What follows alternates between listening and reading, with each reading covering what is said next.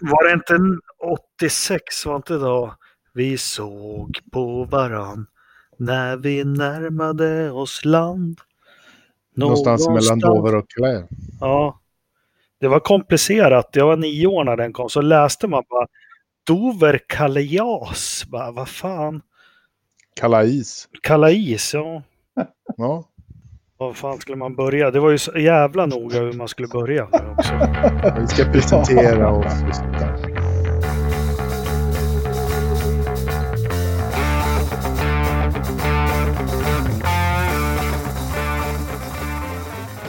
Forsa-podden är tillbaka. Lövström, Ridders... Ja, Lövström, välkommen. Tack. Ridderstolpe, välkommen. Tack så hemskt mycket. Trevligt. Och undertecknad Engelmark hälsar alla välkomna till det 86 avsnittet av Forsa-podden. 1986, vad hände i motorsportvärlden 86? Ganska mycket. Kördes det något race egentligen 1986? Ja. Väldigt dramatiskt avslut på säsongen, är det någon som minns? I Japan, eller? Nej, Adelaide var det på den tiden. Ja, jag gillade ju Adelaide.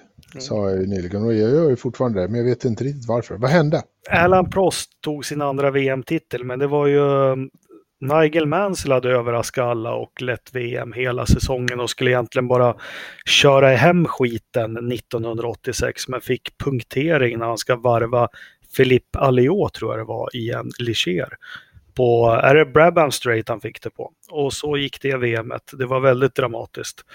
Uh, 1986 hade vi även ett dödsfall. Vem var det som dog på Paul Ricard då, Lövström? Elio De Angelis. Precis, mycket tragiskt också. Uh, uh, också en dödsolycka, ja, tyvärr, men uh, det var på test och han körde in i räcket och bilen vände sig upp och ner och började brinna. Så han, han låg där i 25 minuter innan någon...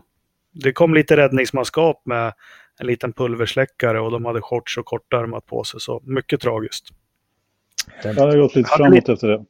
Ja, vi hade lite tragik i rallysporten också. Det var ju mm, Grupp B, denna underbara klass som, som jag tror alla vi äldre minns, fick ju sitt stopp. Och det var ju också på grund av ett dödsfall. Vem var det? Det var Henry Toivonen va? Eller? Precis, ja, Henry mm. Toivonen på Korsika. Ett, mm. en, en krasch som är fortfarande, precis som Sennas, upphöjd i dunkel mystik och, och ingen vet egentligen vad som hände och inte hände och så. Vänta ett tag här nu. Kördes det några Race of Champions i år? Det gjorde det inte va? Nej. Det, Jag skulle vilja lägga ner det. Jaha, det var som fan. Det var ju nämligen så att Race of Champions är ju egentligen till Henry Toivonens minne faktiskt. Ja, precis. Det stämmer jättebra. Det stämmer jättebra. Uh, det var lite kort om 1986, men hörni, fullspäckat program. Vi har ju haft premiärer, två stycken, Indycar och F1 från Australien. Ja, ja vad fan. Fantastiskt. Mm. Ja, alltså, vi Aust kör i... ja. Nej, kör du. Ja, vi kör igenom det. Vi börjar väl med Formel 1-premiären där i Australien. Eh, mm. Som blev, ja, vad, vad fan hände? Ja, men det var ju alltså, oerhört... Jag, jag måste säga att jag, jag är skitnöjd över min tippning här. Den gick ju eh, in fullspäckat. Jag är ju lite besviken på era totala misslyckanden i, i vår förra podd. Att ni inte kunde sätta ett rätt.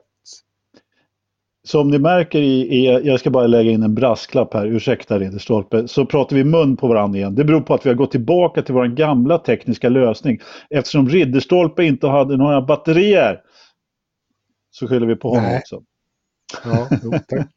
Så var det med det. Skitsamma. Jag tycker i alla fall att Australiens GP var betydligt mer underhållande än eh, Frankrikes GP förra året.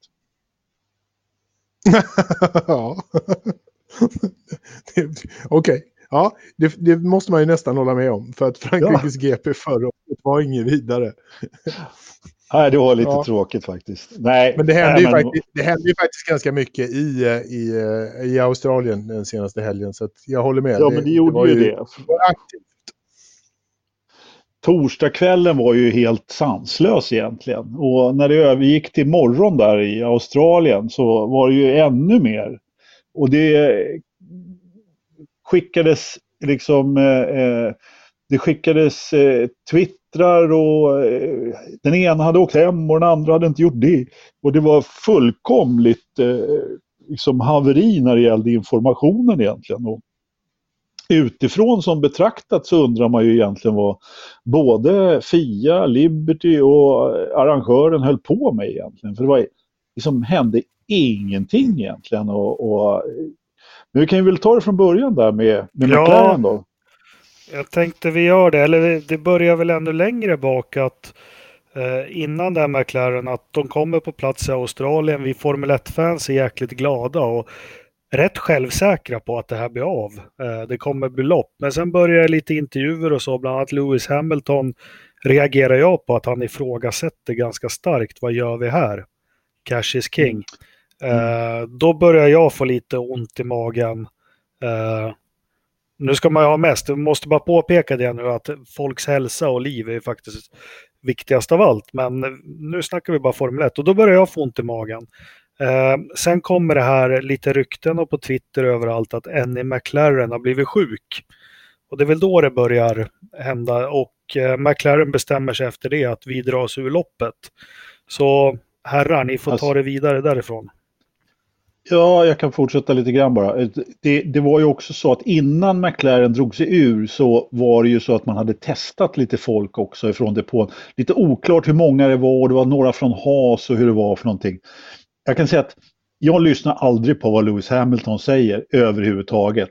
Det gjorde jag inte den här gången heller. Så därför så var inte det min liksom, punkt när, eh, när, när, när, jag, när det vände för mig så att säga. Nej, precis. Utan det var just när McLaren, alltså, men visst, det, det snackades ju, andra snackade ju också lite där att eh, det var kanske inte så bra och så vidare. Men då var det, då var det mest snack. När McLaren drogs ur, då vände det till 100% för mig. Då var jag helt säker på att nu blir det inget eh, Australiens GP. Det var liksom, det var från att jag trodde att ja, men de kommer nog köra i alla fall till att eh, när jag läste det press, liksom den här releasen som de gav ut, då var jag 100% säker på att det här kommer inte att bli något Australiens GP faktiskt. Så, så kände jag då, vid det tillfället. Ja, men det, var väl, det var väl då egentligen som, eh, som det riktiga beslutet egentligen togs. Oavsett vad Fia eller någon annan sa så eh, hade, hade, liksom, hade sagt efteråt så hade liksom McLaren tog beslutet vi, vi stänger ner, vi, vi åker hem, vi, vi gör inte det här. Hade in, oavsett vad Fia och Liberty hade sagt efter det så hade de andra stallen inte eh, kört heller, tror jag. Jag tror att Nej. de hade också bara backat ur och sagt eh, kom igen, lägg ner. Bara för de hade ju Sebastian Vettel och de andra gick ut och sa det att ja, men, oavsett vad, vad ni säger, vi är fortfarande 20 killar här som ska köra. Eh, vi bestämmer, eh, liksom. och om vi säger att vi inte kör, så mm. blir det inget. Och det är nog det som hade hänt om inte man hade beslutat att ställa in allting ändå. Nej, alltså det var ju ett waiting game där av rang också, eh, lite mm. grann. Och, och jag menar, alltså grejen var ju den att för det första så säger man ju då, hade man ju talat om tidigare då att om, om det är något stall som inte kommer till Australien så kör vi inte. Mm. Och bara där så var det ju ett väldigt tydligt eh, liksom ställningstagande att eh, alla ska köra, annars så blir det ingenting. Och även om det här inte var samma scenario så, så hade man ju på något sätt redan där målat in sig i ett hörn.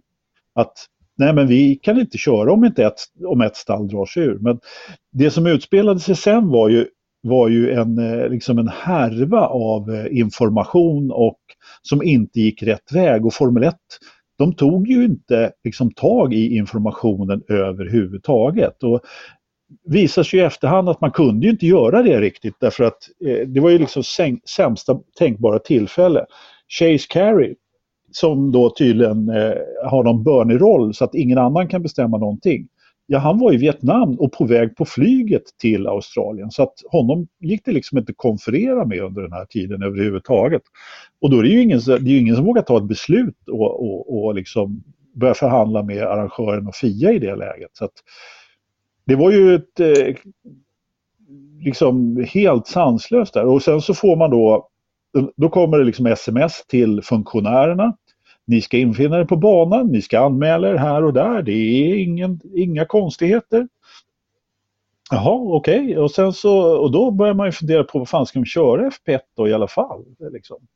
Och, och, fler och fler tecken tyder på att det ska ställas in. Och så rätt vad det är så kommer det då en sån här grej som att ämen, eh, funktionärer som talar om på, på sociala medier att de har blivit kallade till banan i bitti. Ja, och så kom ju, kom ju morgonen därefter liksom. Och, ja, det första som jag hörde på morgonen, det var ju då att eh, eh, eller från morgonen i Australien, det var ju att den här two-seaten då som de kör, de här gamla, mm. är det mina bilarna fortfarande? Ja, skitsamma, på Stoddars gamla bil i alla fall. Brakar runt banan då med sina, eh, de hade väl V10 dessutom, så de hörs ju då över hela Melbourne. Dessutom. Varpå den ena dessutom kraschar. ja.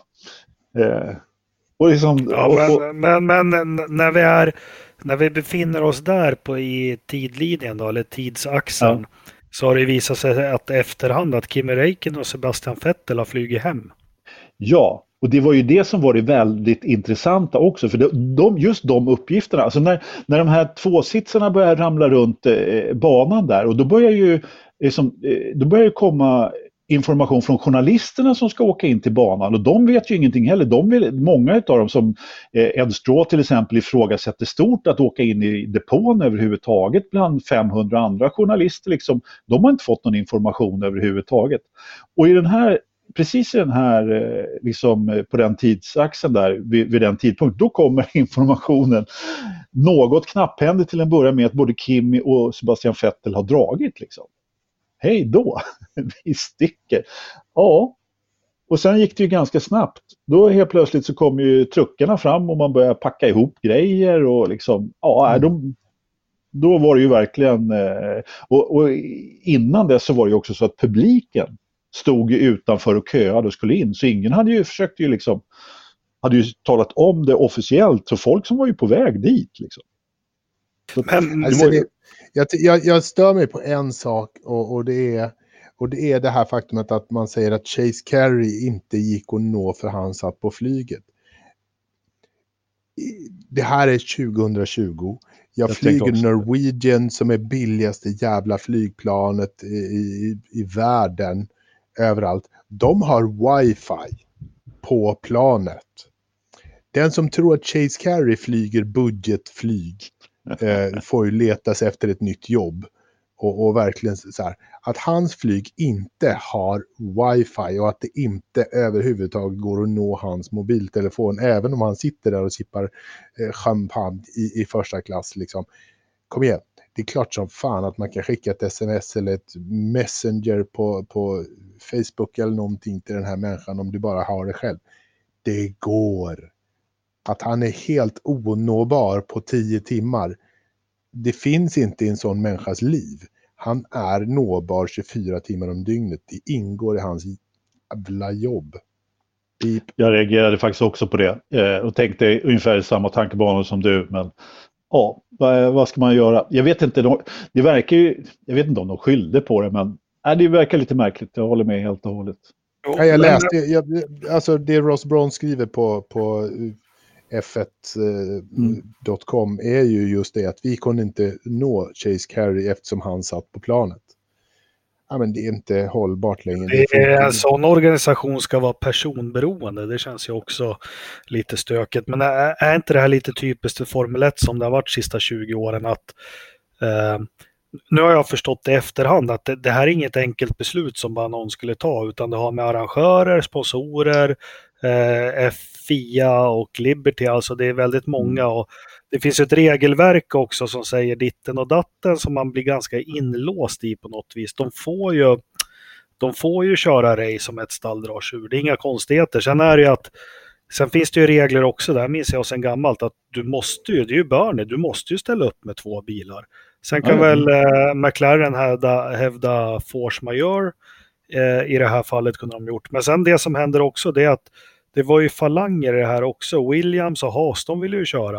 Eh, och det som var tungan på vågen till slut, det var ju att Toto Wolf ville ju köra först. Men sen efter att han hade ringt till Jörgen där på huvudkontoret så, så ändrade han sig och sa att nej men vi kör inte. Eh, Jörgen la väl beslutet på Toto och Toto sa att nu kör vi inte och då är det för få stall för att enligt avtalet kunna eller alla avtal och regler kunna genomföra loppet. Det är väl Nej, men, så. Bra där Jakob. Jag missade den där på torsdagskvällen. Just att de hade ju faktiskt en omröstning också, eh, alla stallcheferna. Som det visade sig senare då så blev det ju då till favör för de som inte ville köra. Eh, och Toto mycket riktigt eh, tungan på vågen där. Så att, men var det inte fyra stall som ville, var var, blev det inte fem, fyra i den där omröstningen? Eh, Haas Williams, Toro Rosso och Red Bull ville köra också. Så var det. Så att, eh, det var de fyra. Alfa Tauri. Ja, Toro Alfa, vad fan då, heter nu för tiden. Flaff, flaff. Red Bull juniorstall. Mm. B-team. Ja, men det blev ett jäkla antiklimax. Också lite typiskt för, för Formel 1 där att ja. Eh, jag var ju på väg upp där på natten. Eh, jag var helladdad för det här och, och Eh, att det kommer så sent. Eh, men som sagt, det är väl staten Victoria heter den väl där i Melbourne också som, mm. som köper alltså, det här racet för en halv miljard kronor och får arrangera. Ja. De hade väl också sitt att säga. Ja, alltså de kan ju inte, alltså eh, det finns ju inget lopp som inte har en statlig garanti. Och i det här, i det här fallet australiensiska delstaten så att säga. Eller rättare sagt, åtminstone för två år sedan, eller om det var förra året, så fanns det ett lopp som inte hade statlig garanti. Och det är Storbritanniens GP. Då. Alla andra har någon form av eh, statlig, delstatlig garanti som, som, som går in och garanterar om det skulle bli en, så vidare. Och, och är delaktiga i arrangemanget för regionen, whatever. Det är ju, det är ju liksom för en... Eh, liksom, de, det är ju deras marknads de marknadsför ju regionen på det här sättet. Och ställer... Ja, det, är, det är en stor grej för, för regionen naturligtvis. Ja. Att, att, liksom, att få dit ja, ett Formel 1-lopp, det är mycket PR, det är mycket folk, det är mycket turism. Och, och, gör, ja, precis. Och gör, exakt. Och görs, och görs inte det här rätt då, ur deras synvinkel, då får ju de alltså betala eh, x antal, vad sa du att det kostade Jakob? 55 miljoner dollar. Ja, precis. Då får ju de pröjsa 55 miljoner dollar till Liberty för att eh, ha arrangerat loppet. Så jag menar, de kan ju inte ställa in naturligtvis. Och Fia, de kan inte heller ställa in. Så länge det inte är, är mindre än 12 bilar på, på griden. Då.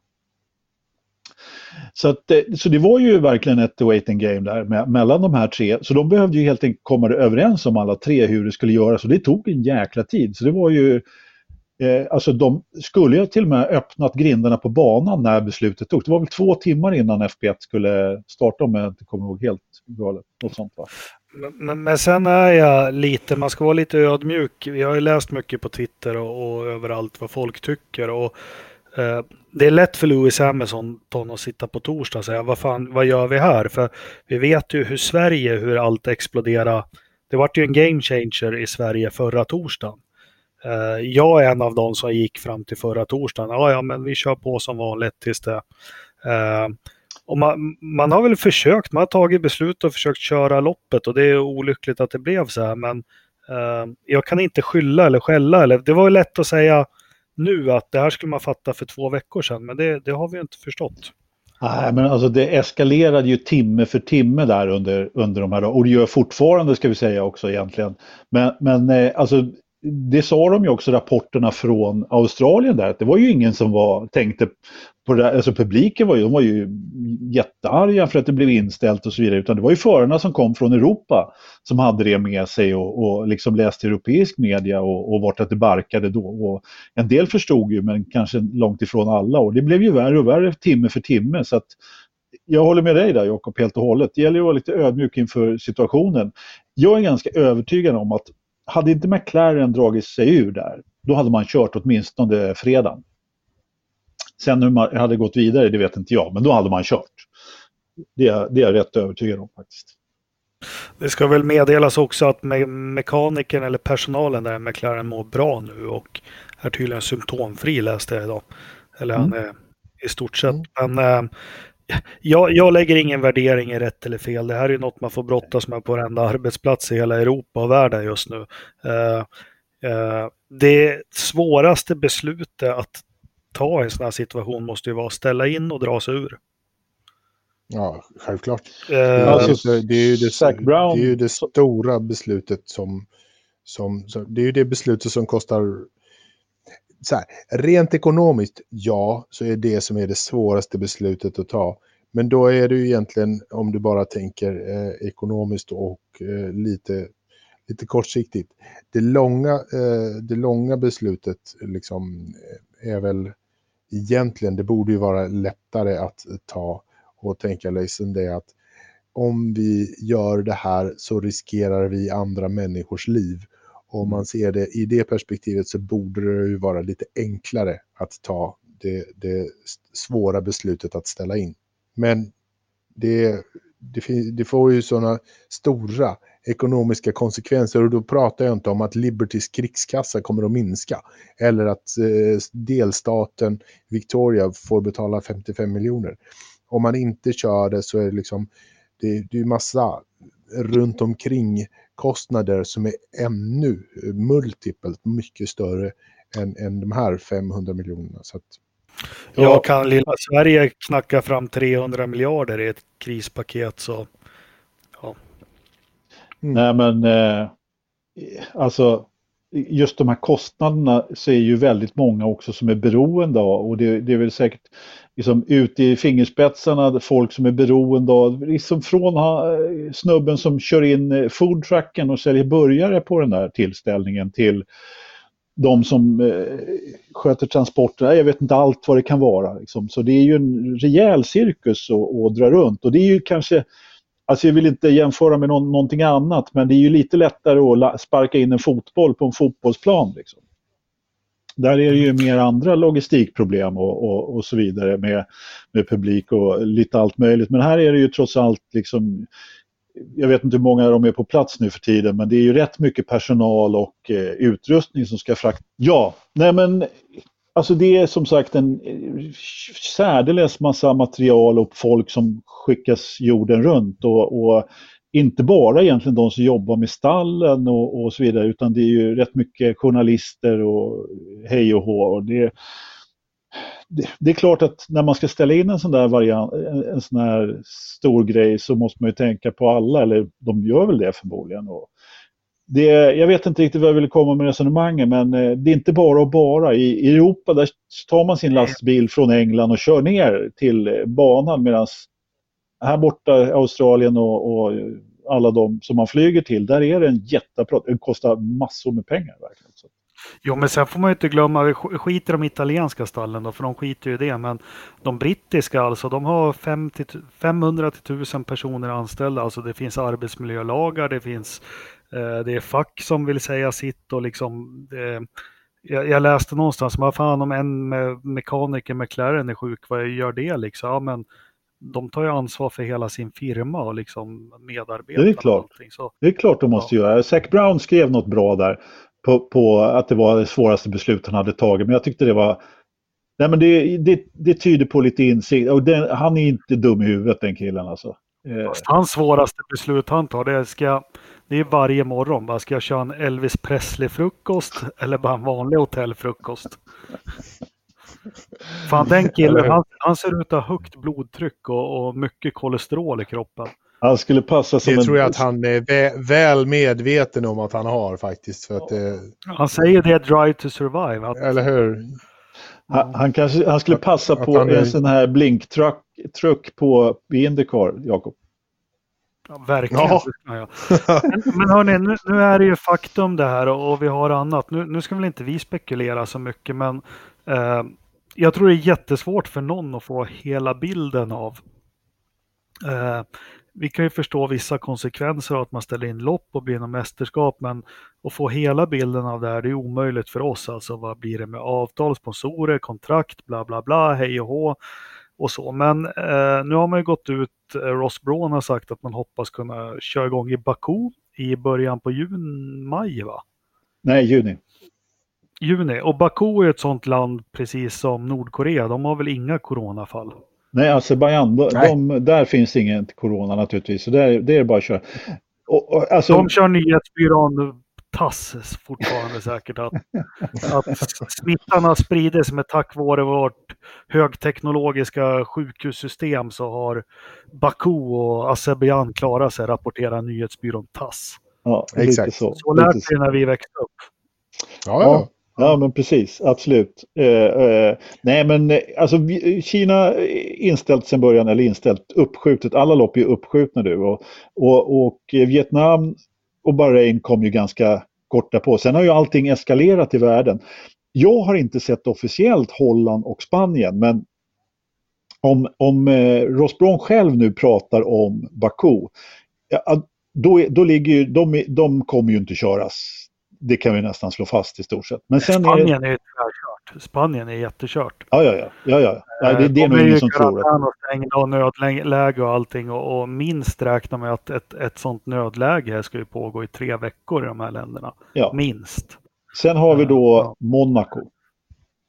24 mm. maj. Och eh, det är ju mycket tveksamt om man kan köra det alltså.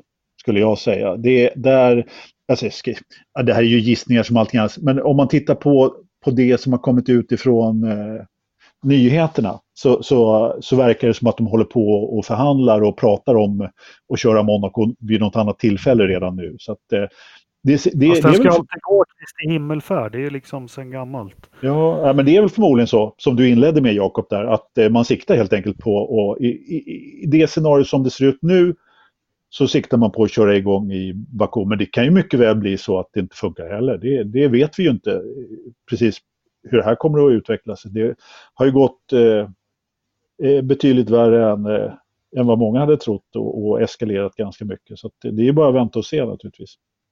Ja, nej, ja, ja, men ska vi spekulera? Min spekulation eller mitt råd är alltså fimpa hela säsongen. Det är, Sen får man ta den tiden som är, nu har man ju liksom ett gyllene läge att från mars nu till 2021, alltså tänka över och ska man skjuta på reglementet ett år och köra med de här bilarna de har tagit fram i år 2021 istället. Alltså nu har man tid på sig och, och för en gång skulle komma överens. För fimpa den här säsongen, det, det är vad jag säger. Nej, för tidigt så är det, det har gått en helg och sen har vi visserligen ställt in ett par race till framöver och lite sådär. Eh, att, att fimpa säsongen helt är jag inte beredd att köpa riktigt än. Uh, förmodligen mest för att jag inte vill. För att jag vill se... Nej, jag vill inte heller, det måste jag direkt. Att, men, men så att jag, jag, jag, tycker så här, kämpa för att ha eh, utgångspunkt och mål och målsättning att, eh, att vi ska köra race den här säsongen. Om det sen blir bara ett fåtal race eller om det blir, om man lyckas så här mm, på något magiskt sätt förändra eh, kalendern så att vi har 103 dagar i, i september så vi kan köra jättemånga race i september. Det kanske är en jättebra idé. Vi, vi gör så istället. Men jag tror inte riktigt att det går att, att, att, få tillbaka de här racen någonstans i någon, i någon gregoriansk kalender överhuvudtaget. Ja, men, men en, äh, en sak jag har varit inne på. Säg att vi får igång det i höst då. I augusti-september. Passa då fan på att köra dubbla, alltså dubbla race lördag, söndag. På det, det stället. Ja. Ja, ja, det kan man göra. Absolut. Alltså, gör någonting. Som F2, ett sprint och ett future race. Eller, mm. ja. Absolut, absolut. Nej, jag, jag, tror att alltså, skulle man ställa in säsongen helt, eh, alltså det kan hända, eh, definitivt. Men om man gör det, då får man problem med eh, sponsorer och annat och eh, kontrakt som ska följas. Kommer man igång i Baku, och det är därför jag tror att man siktar på Baku, eh, då hinner man köra så många lopp så att man kan få lite ordning på, på ekonomi och hela det kittet. Det kan ju, det kan ju skita sig för något stall redan, redan innan men eh, det är trots allt sport, en väldigt pengakrävande sport vi håller på med. Nu, nu är det ju väldigt många stall som har riktigt bra finanser. Det finns ju inget, det finns ju bara ett stall som egentligen är på fallrepet om vi räknar bort HAS. Och, och just därför så, så kan det vara så att man, eh, men jag menar Bernie på, på sin tid, han, han underlättade ju för de här stallen som var lite på fallrepet också och gav dem lättnader och så vidare. Så att, det är kanske inte uteslutet, det blir lite beroende på hur Libertys eh, finanser ser ut och de är ju förmodligen inte jättebra eh, efter det här heller. Jag, jag, det är ju svårt när man tar någon insyn naturligtvis. Bernie han hade ju alltid någon miljard någonstans. Men, eh, lite som, han är, han är Storbritanniens Lövström. eller hur? Eller hur? En, en liten slant över här och där.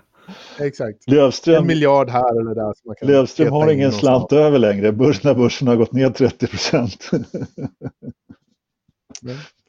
Vad, vad synd om honom. Han har köpt, köpt fel typ. Ja, eller hur? Nej, men, men det, det, är väl skitsvårt för oss att spekulera i vad det är. Men eh, vi får väl följa det med spänning. Eh, jag rekommenderar alla. Eh, vi, är väl många som har läst Autosport. De har ju ballat ur helt nu. Men eh, therace.com. Ja. Otroligt mm. bra sida. Otroligt bra journalister. Otroligt bra täckning på allting.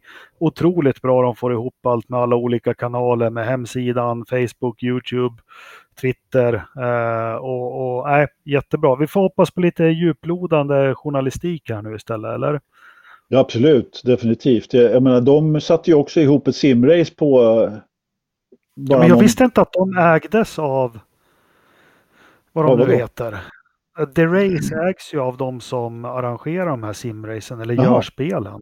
Ja. Okay. Exakt, ja. Det känner inte ja, men det gör de och det var, Jo, men det var, det var de som eh, de ägarna som lyckades eh, peta ihop ett, eh, ett simrace för de hade alla all, all utrustning, all teknik och, och, och grejer som, som, behövs. Så att, men det var snabbt roddat som, som fan och det, Riktigt bra.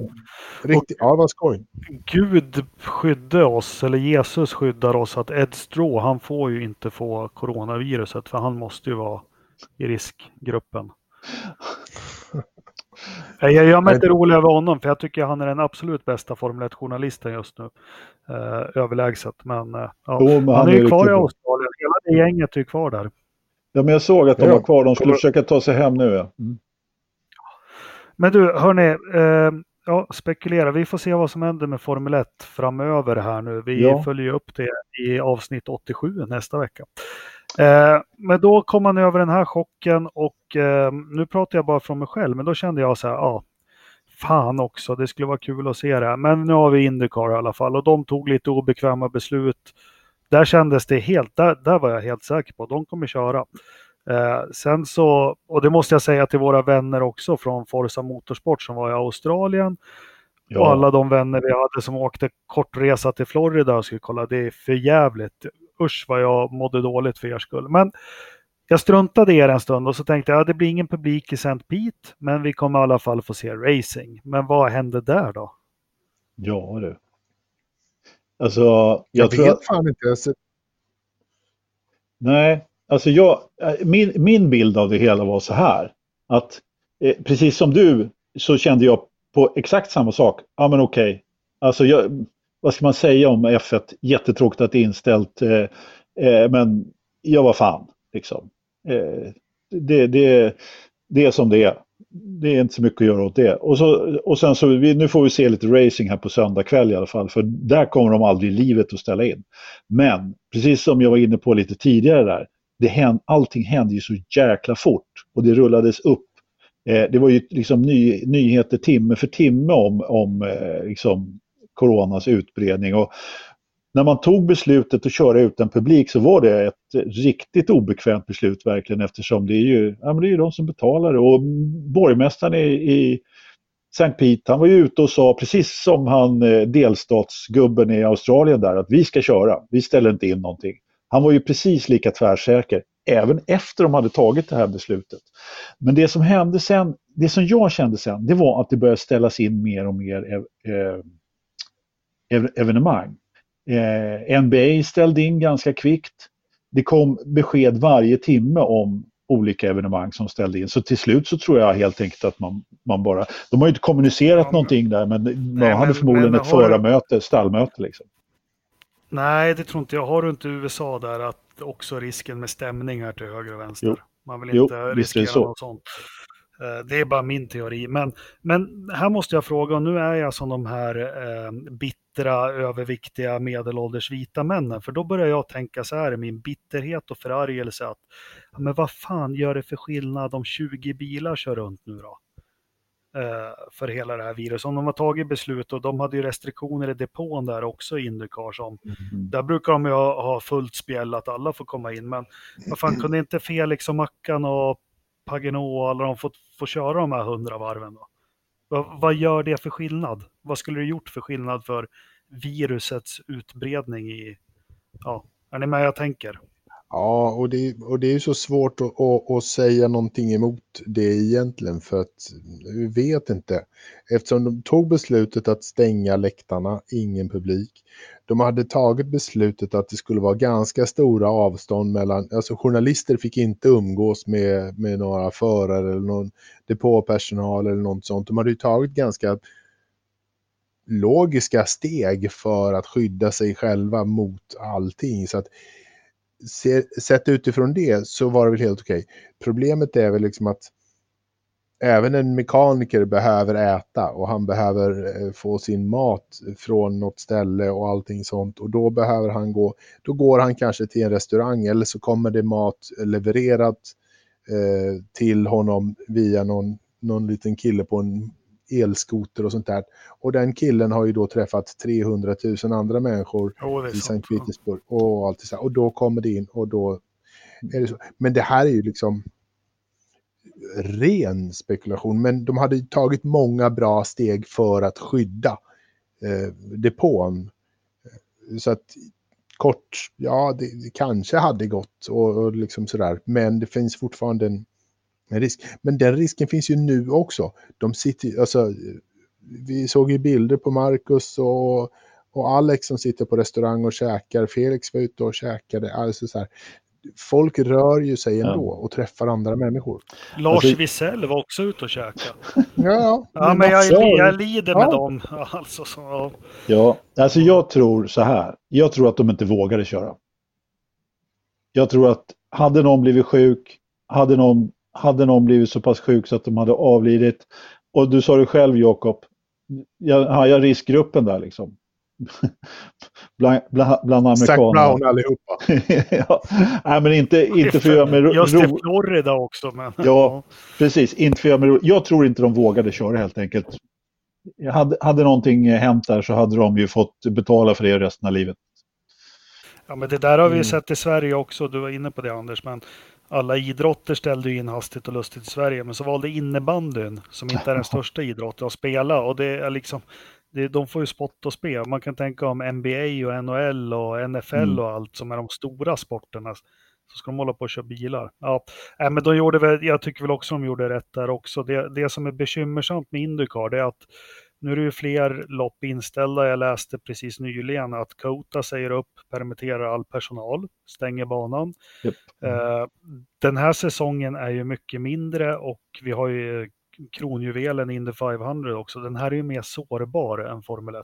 Mycket mer sårbar. Uh, alltså framförallt just eftersom man också har då sin absolut största tävling ganska snart.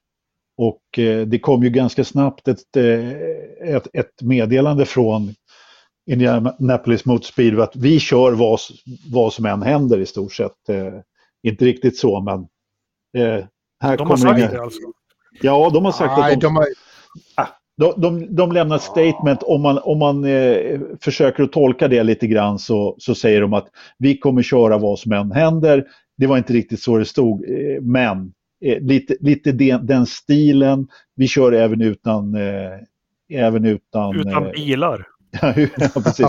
utan publik eller någonting. Eh, jag tror att det kommer, deras hållning kommer att behöva ändras definitivt. Ja, det här Month of May ligger ju i, i riskzonen. Verkligen. IMSA körde ut det där som att jo, men vi följer utvecklingen och allting sånt där naturligtvis. Men det är de just nu är de i ett läge de är tvungna. Ja, men Indy 500, det är ju kronjuvelen och, och jag tror, kan de bara genomföra det racet så räddar ju det säsongen på något vis. Och även om de kör med tomma läktare så kommer de väl ha två miljoner tittare i USA. Så ja, vi får väl se vad... Ja, absolut. Det är ju samma helg som eh, Monaco. Så att eh, Ja, det ligger ju riktigt risigt till, men, men det, är, det är nog som du säger. Och jag menar, där är man ju lite snabb, mer snabbfotad än i Formel 1 också skulle jag säga. Så att man skulle definitivt kunna köra lite fler dubbelrace där. Eh, och, och ladda, ladda på med lite mer lopp på, på höstkanten där. Det är ju inte riktigt lika fullt i kalendern heller då. då så att, eh, det, är bara att, det är bara att ösa på. Ja, Ja, nej, det här...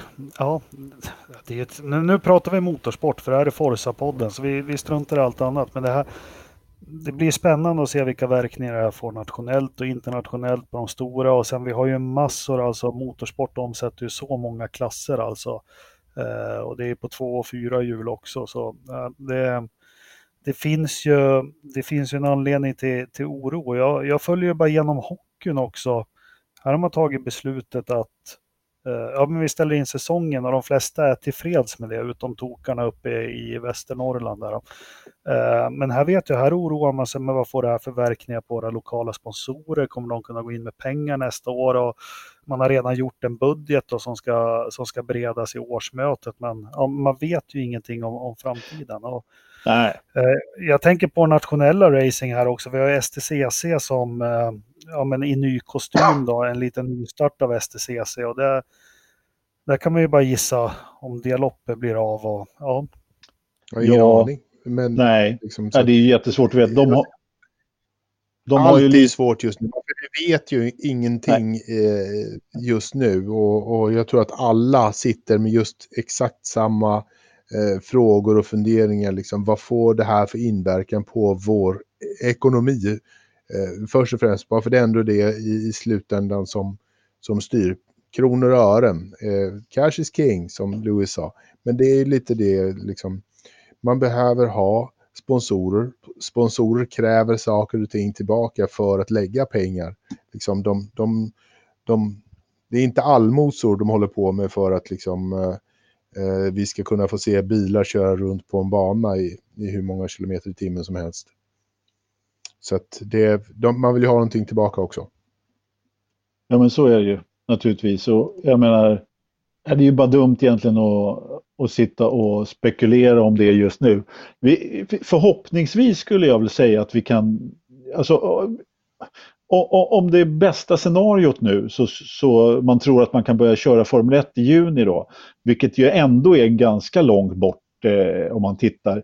Om vi har det scenariot, låt säga att vi skulle kunna skjuta eh, då de inhemska racingserierna som ändå har en ganska kort eh, eh nu, nu, kan inte jag datumet när SSS skulle dra igång, men det brukar ju, det brukar ju vara något, något i april och sen rasslar det på, men det är ju inte med lika, eh, lika tätt naturligtvis. Och det är klart att där skulle det säkert kunna gå att skjuta den säsongen så att man kan köra. Den är också lite, jag ska inte säga instabil, men eh, just jag såg att Leicester hade skrivit med, med Rob Huff till exempel, en hyfsat eh, stjärnförare då som ska komma och köra. Det vore ju jättetrist om inte det blev av till exempel. Så att, eh, ja, men, men, Tänk, om, tänk om, tänk om, tänk om då att Sverige får igång sin serie.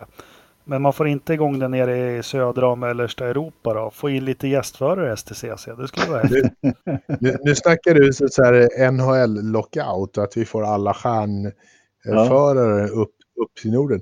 Det vore ju eh, grymt om ja, man... få se Max Chilton.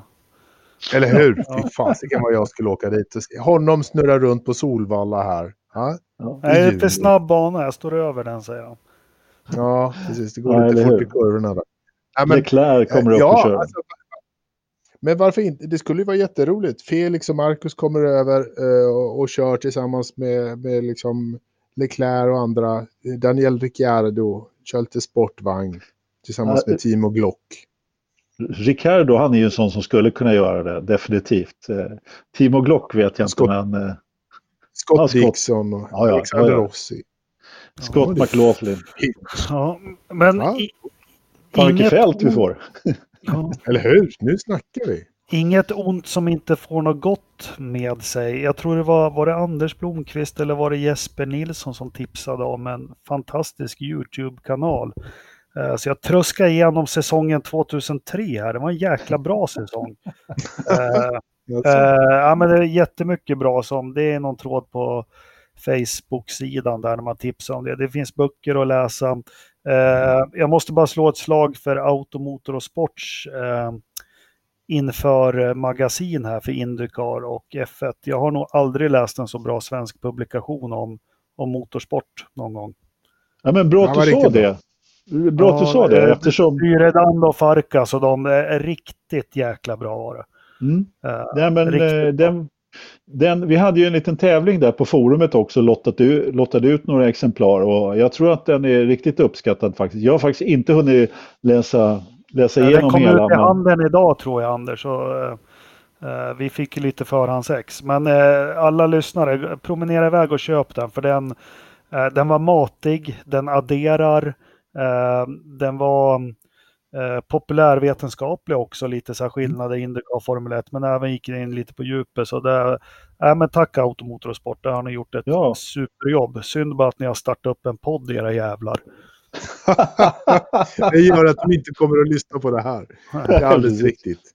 Nej, men det var ju också lite eh, vet du, in, trevliga artiklar där om gokart junior, juniorer som vi känner till ganska väl här i podden också. Alex Danielssons dotter och eh, eh nu tappar jag namnet Milla. på Milla. Milla. ja, just det. Ja. ja. nej men absolut. Eh, investera de pengarna och gå och köp den. För den, den var bra. Den, eh, jag håller på att tröska igenom den nu. Skitbra. Kul att svensk eh, motorsportjournalistik håller lite klass också. För det har varit lite mm. si och så. Och skönt att slippa läsa en artikel från Fredrik af Petersen eller något sånt som det eh, har varit förut. Eh, det skulle vara jättekul att om Farkas berättar lite om sin intervju med, med Reine också. Eh, och återigen, jag måste bara säga, det var skoj. Jag tycker det är skitbra att det startas poddar om motorsport. Mer sånt, det ökar bara intresset.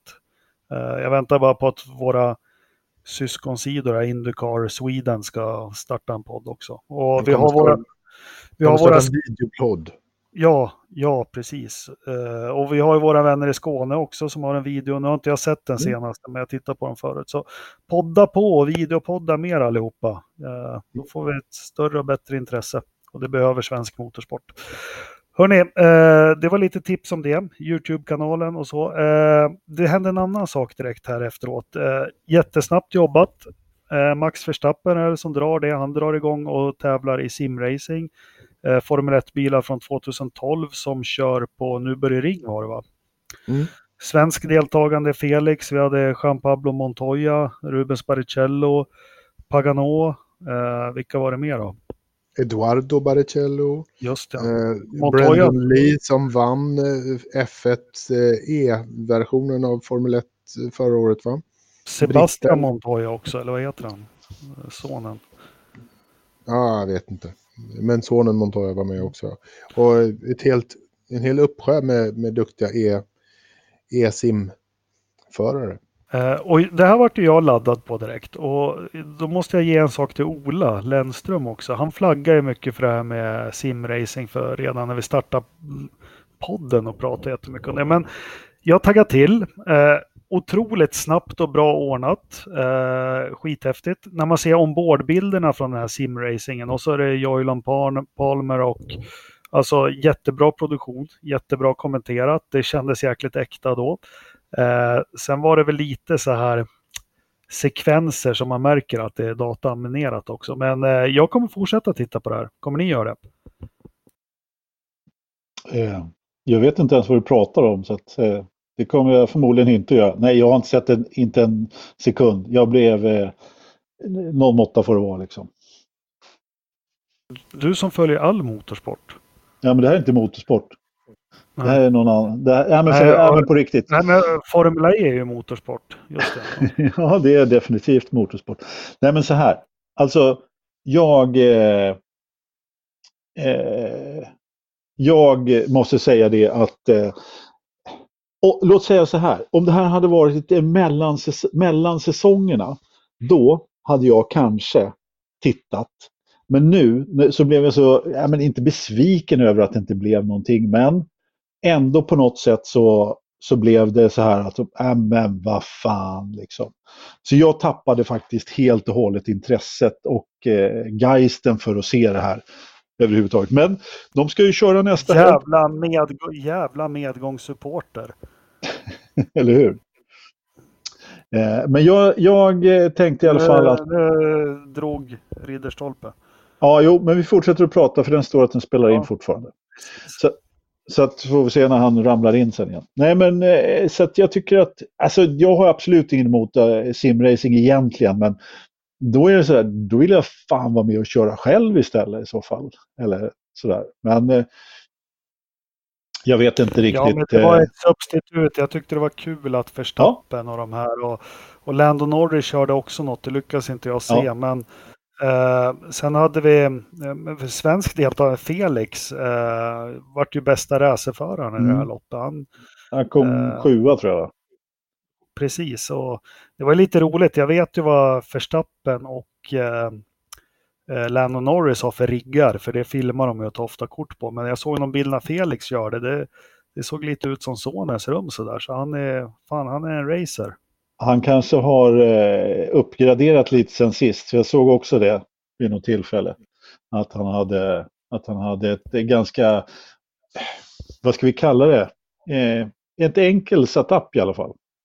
Ja, nej, men jag, ja, precis. Det var ett skrivbord han antagligen PO har köpt åt honom någon gång på Ikea. Ja. Och så en liten skärm där. Så ja, det är bra. Fan. Men simracing, vi håller tummarna att det kommer fler sådana lopp. Och äh, återigen, heja Felix! Lite frågor. Ja. Mikael Wester, har ni corona, covid-19 allihopa? Uh, ja. Ej testad? Nej, precis. Förmodligen, men inte, klar, inte officiellt, eller vad heter det? Klarlagt Skal, Skalberg kommer här. Förslag på veckans förstappen, fladdermussoppa. Ja, varför inte? Ja. Eh, Thomas Lodin, vad gör alla med sin fritid när det inte finns någon motorsport att titta på? E-sim racing. Yes. Ja. Med VR-brillorna på. Fan vad coolt det är. Det är Anders får ju lite tid, tid över nu och, räkna sina slantar. Det är... jag, har inga, jag har inga kvar att räkna. Jag var ute och krattade löv här i söndags. Vad fan, kom igen alltså. Ska jag behöva hålla Fick på i trädgården? Manuellt arbete. Viktor Kärra, ja, om ni fick välja 1,8 liters fyrhjulsdrift covid-19. Nej, Viktor Kärra, vi skulle, vi skulle välja den kända Hej-podden som eh, sändes för 5-6 år sedan. Eh, Viktor Kärra som svarar, jag ska bara berätta att den pojken, han var 23 år, då kom han hem, han ringde bara, nu har jag köpt min drömbil. Jag kommer och visar upp den. Och så kom Viktor Kärra, 23 år. Så lite innekille i Västerås var han på krogen och poppis och och så. Men då tänkte man, nu rullar det väl upp någon liten sån här, ja men något nå fränt då? Nej, men då kom man i en ljusblå Opel Astra kombi. Sen dess har inte vi haft kontakt. Eh, Håkan Larsson. Eh, blir det något Formel 1-VM överhuvudtaget? Vad tror ni? Ja, något ja, blir det. Något, jag, jag tror också att det blir något. Okej. Lars Ragnarsson, vilket team blir första att gå under på grund av corona? Det måste ju bli mm. Flash Engineering. Ja, de har gått under för ett tag sedan redan. Men, eh, nej, men det finns väl egentligen bara ett va? Och det är Williams. Ja, ja de mår inte jag tror bra. Dock att, jag tror dock att de tror... blir räddade. Sen lär de ju ha satt pappa Frank där i en riktig karantän skulle jag tro. På riktigt. Nu är jag, men nu är jag seriös. Ja, han, ja, ja. han borde verkligen inte ja. ja, umgås jo, jo, med någon. Nej, verkligen inte. Uh, Mikael Nilsson, inte en fråga, en teori. 2021-reglementet skjuts ett år framåt och bara en viss utveckling tillåts av årets bil till 2021. Vidare blir det en halv säsong 2020 på grund av corona. Ja, det har vi diskuterat lite. Mm. Det är inte helt omöjligt att man eh, skjuter upp eh, reglementet heller faktiskt. Jag, skulle, jag säger inte att jag tror det, men i det här läget så vet man aldrig. Nej, det finns, man vill ju säkert ha, ha tillbaka lite mer av sin investering än, än bara en 5, 6, 7 lopp. Utan man vill nog, ja. om man har investerat så jävla mycket pengar i det här året så vill man ha tillbaka lite mer. Absolut. Rid, Ridderstolpe, Johan Eskult, är det någon som Klingar det bekant? Mm, nej. Nej, men han ställer den mest relevanta frågan hittills. Hur mycket ost lagrar Ridderstolpe egentligen? Och fy satan vad mycket ost jag har här hemma kan jag lova. han, ja, jag, lag, jag, jag, tror jag har någonstans runt, eh, vad är det, Fem, 15, mellan 15 och 20 paket just nu i kylen på vardera. Vad är det då? 400 till 800 gram styck. Vad är det för ost du har? Hushåll. Det är lite allt möjligt ost som har, man lagrar själv. Har du någon Wensleydale? Vad sa du? Har du någon Wensleydale? Uh, nej. Vad fan också. Det är de ingen nytta av heller. Nej, sorry. Uh, här kommer någon sån här internare tror jag. Joakim Broheder. Det är dags att återinföra hamsterpaj. uh. Nej, jag förstår inte. Jag har ingen det, aning om vad det är. Tidigt ja. internet. Jaha, Men för fan. Ja. ja. Ja, det var någon sån här community. Just det, just det. Ja, mm. skitsamma. LOL. ja, precis. LOL. Olof Laneryd, blir det lite mer Jakobs kvarting nu när det inte finns nyheter och hockeyn är på is? Ja, det kommer det faktiskt bli. Jag har redan börjat skissa du, på några. Du Jakob, ja. nu har du ju dessutom fin, fin inspelningsutrustning så jag slipper klaga på ljudet. Ja, men vi ska ut och crowdfunda för det behövs bättre grejer. Eh, så snart. Vi har inte kan... kört dem ordentligt än. Så det, Nej, nu, men, nu, nu, nu, här funkar ja, men Det är lite annat jag behöver för kvartingen. Så snart blir det en Swish-kampanj nära er någonstans. Nej. Eh, vi behöver förnya våra jävla licenser och grejer också. Eh, per Rikander, tror ni F1 kommer ta den största ekonomiska smällen eller kommer alla team solidariskt att få bära förlusterna? Eller åtminstone delar av den.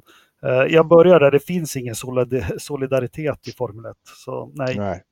Nej, det är Nej. Liberty får, får ta det, det ensamma. Yep. Det är inte en sportmössa att Williams skulle pynta tillbaka någonting för att rädda. Nej, nej, nej, nej. De kommer låta, eh, F1-stallen, de kommer låta Liberty gå under om det så krävs. Ja, absolut. Absolut. absolut. Ja, ja. Bobby Sandberg, veckans förstappen, Corona. Läste Flash krönika. Han har tappat det helt. Nej, har han tappat det helt? Vi börjar svara på det. Har han tappat det helt? Det var väl länge sedan. Ja. Eh, vet att ni var inne på ämnet förra veckan och då var Engelmark inte elak. Det borde du varit. Ja. Alltså, han har förmodligen skrivit en ny krönika. Jag har inte läst den så jag kan inte riktigt uttala mig faktiskt.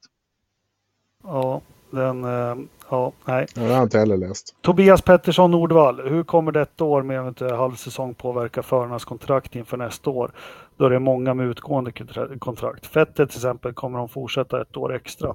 Ja, det är också jätteintressant. Fettel kommer mm. ju köra för McLaren 2021. Jaha. Ja, jag undrade hur full du var när du tänkte ut den tanken. Väldigt eh, Anders, Andreas, Anders Seidel, eller vad heter han? Andreas Seidel, ja. Mm, har ett mycket gott öga till honom sedan BMW Sauber-tiden. Alltså, Jakob, jag skulle säga så här. Om det inte vore så att både Sainz och Lando passar så jäkla bra i McLaren och att de är rätt nöjda med sina förare så här långt. Så jag tror inte du är helt fel ute faktiskt. Jag tror mycket mm. väl det kan hända. Mm. Men nu är det ju som så att, Land, att de har en fantastisk föruppställning som passar väldigt bra ihop. Vilket gör att de har ingen som helst anledning nej, att det är just ta in Vettel. Så nej, kommer inte att ske. Anders Blomqvist, om simracing kommer igång med fler F1, MotoGP och Indycar-förare, kommer ni att följa det i år? Ja, jag kommer följa det. Ja, de ska köra ett nytt eh, race nästa söndag igen, fast då två ja. olika klasser. En för bara simförare, ordinarie, riktiga simförare och ett för riktiga racingförare. Så att, eh, eh, det är spännande. Jag tyckte det var väldigt skoj att Felix blev bäst av alla racingförare i söndags. Mm. Vi sa det när du var urloggad också. Bilderna från hans Instagram. Han har inga sådana här superriggar med 40 skärmar och grejer. Utan det var en liten 17-tummare som stod på ett skrivbord. Pang. Jag får skicka lite, jag får skicka lite teknik tror jag. Ja, ja. vi får crowdfunda till Felix också så han får en bra rigg. Ja, eller, ja. herregud. Eller så får Pio lätta på lädret nu. Klart grabben ska ha en rigg. Klart grabben ska ha en. Ja, det blir nya hashtaggen. Ja, eller... Alltså, klart grabben ska ha en rigg. Ja. Ja. Uh, Jockiboi Dyredan, kommer ni att prata om F1 och Indycar-magasinet? Jajamensan, det har vi redan gjort. Fem ja, för det, återigen. Alla lyssnare, kila iväg och köp. Uh, Tommy Törnqvist, substitut i motorsportsäsongen. Förslag till filmer, serier, böcker kopplat till motorsporten mottagits tacksamt. Själv kan jag bidra med följande. HTTPS kolon, slash, slash. Nej. Eh, vi har det en tråd och vi har pratat om det lite i podden. Det finns jäkligt mycket och, och ni som hittar, som, om det var Jesper eller Anders som hittade den här YouTube-sidan som inte jag hade koll på, jag trodde jag hade dammsugit alls, dela, dela, dela. Eh, det finns väldigt mycket bra eh, dokumentärer också. Ja, men jag kan var... fästa upp den där tråden så kan vi fortsätta på den. Precis. Mm. Det var det, det var frågorna. Eh, veckans förstappen. Ja. F Liberty. Lib Varför då? För, för, för deras bristande kommunikation och hantering och mjäkebäck i Australien. Okay. De hade kunnat göra det bättre. Ja, min förstappen är ju naturligtvis Max förstappen. För att han... Han klantas vann. ju i kvalet på simracingen. Han klantade sig mer i racet. Ja, så var det racet han klantade sig. Du såg ju inte ens loppet, Anders. Nej, jag vet. Men jag vet att han klantade sig. ja, fan, jag, kan väl, jag kan väl också... Jag hörde ju att han klantade sig i alla fall. Så att, eh, du ser, han är min mm. förstappen. Ja, eh, min förstappen det kan, bara bli, det kan inte bli något annat än Pornhub. Fan, de ger... Eh, ja, men du får gratis premium om du bor i Italien. Jag ja. ha gratis premium med HD och och inga reklamavbrott eller någonting. Fan, det här är ju ypperligt tillfälle att kolla igenom varenda film på den sajten. Ja, lycka till kan vi säga. Ja, jo, men det, man ska ju ha life goals. Ja, säger de. Nej, porn, Pornhub. Tänk på oss här uppe i norr också. Vi har det inte så jävla kul. Nej. Eh, när det inte finns någon racing. Det var det. Nu tänkte jag att någon av er två skulle få dra vädret, för jag vill gissa den här gången. Jaha. Jaha, okay. och det, det, är bara du säger så här nu medan vi är... Eh, medan live. Men vänta så ska jag fixa det. Anders har ju koll. Jag då, fan då inte... måste du även titta lite på bilderna om det är något Ja, jag ska försöka se om jag klarar av det. Vänta lite. Det är några rådjur som har fått premium. ja. premium på porren. Då får du gå in och kolla vid fågelborden, Anders. Ja, ja. lugn och fin. Skidspår, ja, fjällbua garage, fågelbord. Vänta lite. Lugn och fin här nu ska vi se. Oh. Fast de funkar ju inte på min, på min dator. Det var det som var problemet. Ja, så var det. En jävla massa ja, crowdfundande som behövs här. Ja, men eller hur. Ja, men där garaget det är faktiskt skottat och fint sen jag var uppe och fixade det där och väckte honom till liv igen. Mm. Och fågelbordet där, det är tre. Tre sådana här eh, fyrfota saker som går där och äter faktiskt. De är på varandra igen. Varje Nej. måndag. Nej. Inte just nu. nu. När jag tittar så går de och äter bara. Är det förspel eller efterspel Ridderstolpe och käka? Det är efterspel. det är efterspel. En ja. riktigt bra BLT-macka. Ja, eller hur. tar man direkt efter som man ja. orkar. En, ett varv till. Ett varv till. Det, ja. Snödjupet är ju alltså, det är en meter fortfarande. Så det, ja, det, det, ser fint ut och vid kåtorna ser det också bra ut, fast det är bara en väg, men ändå. Det är i alla fall lätt snöfall och hästkrafterna är 10-16. Oh, det är 0,9 meter i sekunden och eh, byvind också 1,8. Sydost 157,5 grad. Det har regnat idag hörni. 20 millimeter. Då blir det halt i natt. Ja, det blir ju det. Jag tror, man, jag tror man mycket dubb där. Mycket mer än vad som är tillåtet. Där, tillåtet? Du tror att det är fulldubbat alltså? full ja, jag tror det är rallydubbat. Mm. Relativ luftfuktighet ute 72 procent. Relativ fuktighet inne 19 procent. Den är stadig nu alltså. Mm. En bra det, är, det är din, din kalibrering. Ja, definitivt. Temp ute minus 1,7. Vilken av de här var det nu då? Nu har jag glömt bort. Det var den första. Längst till vänster. Just det, så var det. Ja, vad tror ni då? 22,0. 22,4. Ja, ni är ju tafsar på det där båda två. 22,7. Fortfarande ja, bara jag som har gissat rätt någonsin. Ja, Fast det har börjat pipa iväg nu. Alltså nu har det pipit iväg lite, helt klart. Ja, ja. Ja, ja. ja, men, eh, jag är mer intresserad av den här fuktigheten. Alltså, den här paxfläkten du visar på ditt jobb Anders, ja, där det står precis. reklamen står tre fläktar i en. Mm. Det är en sån man ska ha. Det är lite som tre, tre temperaturer i en här som Pastis har i datorförrådet. Tar du kontakt med Pax och säger att vi har nämnt dem i podden här några gånger? Självklart. Fem, jag skickar, 50 avsnitt eller något. Jag, jag skickar en eh, faktura bara rätt upp och ner faktiskt. Ja, gör det. Som, det var väl så mm. Percy gjorde Nilegård. När han ja, hade sin och, radiostation. Precis, och hans efterföljare Joakim Ternström. Det gick ju bra för dem båda kan vi säga. Så ja. kör på det spåret. Så det äh, sig lyckosamt. En annan rolig grej, jag satt också i den här deppiga helgen så tittade jag på Marcus. Det är ganska roliga filmer han lägger ut så här bakom kulisserna. Har ni sett dem? Jag har sett en. Ja, ja. så sitter de, det är lite skillnad mot Formel 1 för ja, fan jag är hungrig, då får han en rostad macka. Det skulle man väl aldrig få äta i. Men eh, Felix ligger där i trailern och säger jag kommer svimma, så han är helt blek. Och det är efter Aha. att han har druckit husky. han får sån fruktansvärd jävla sockerchock så han är helt knäckt. Sen är det inte så ja. jättebra reklam för de filmar sen när han tar den där flaskan och slänger den. ja. ja, det är roligt nästan jämt. Eh, vi hörs om en vecka. Tack för att ni lyssnade. Avsnitt 87, ja. det kommer bjuda på något riktigt, riktigt extra.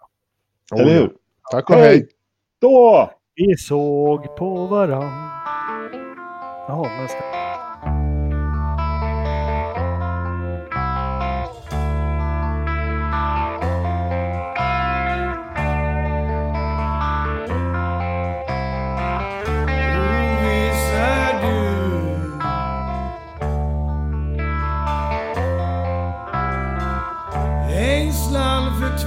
God.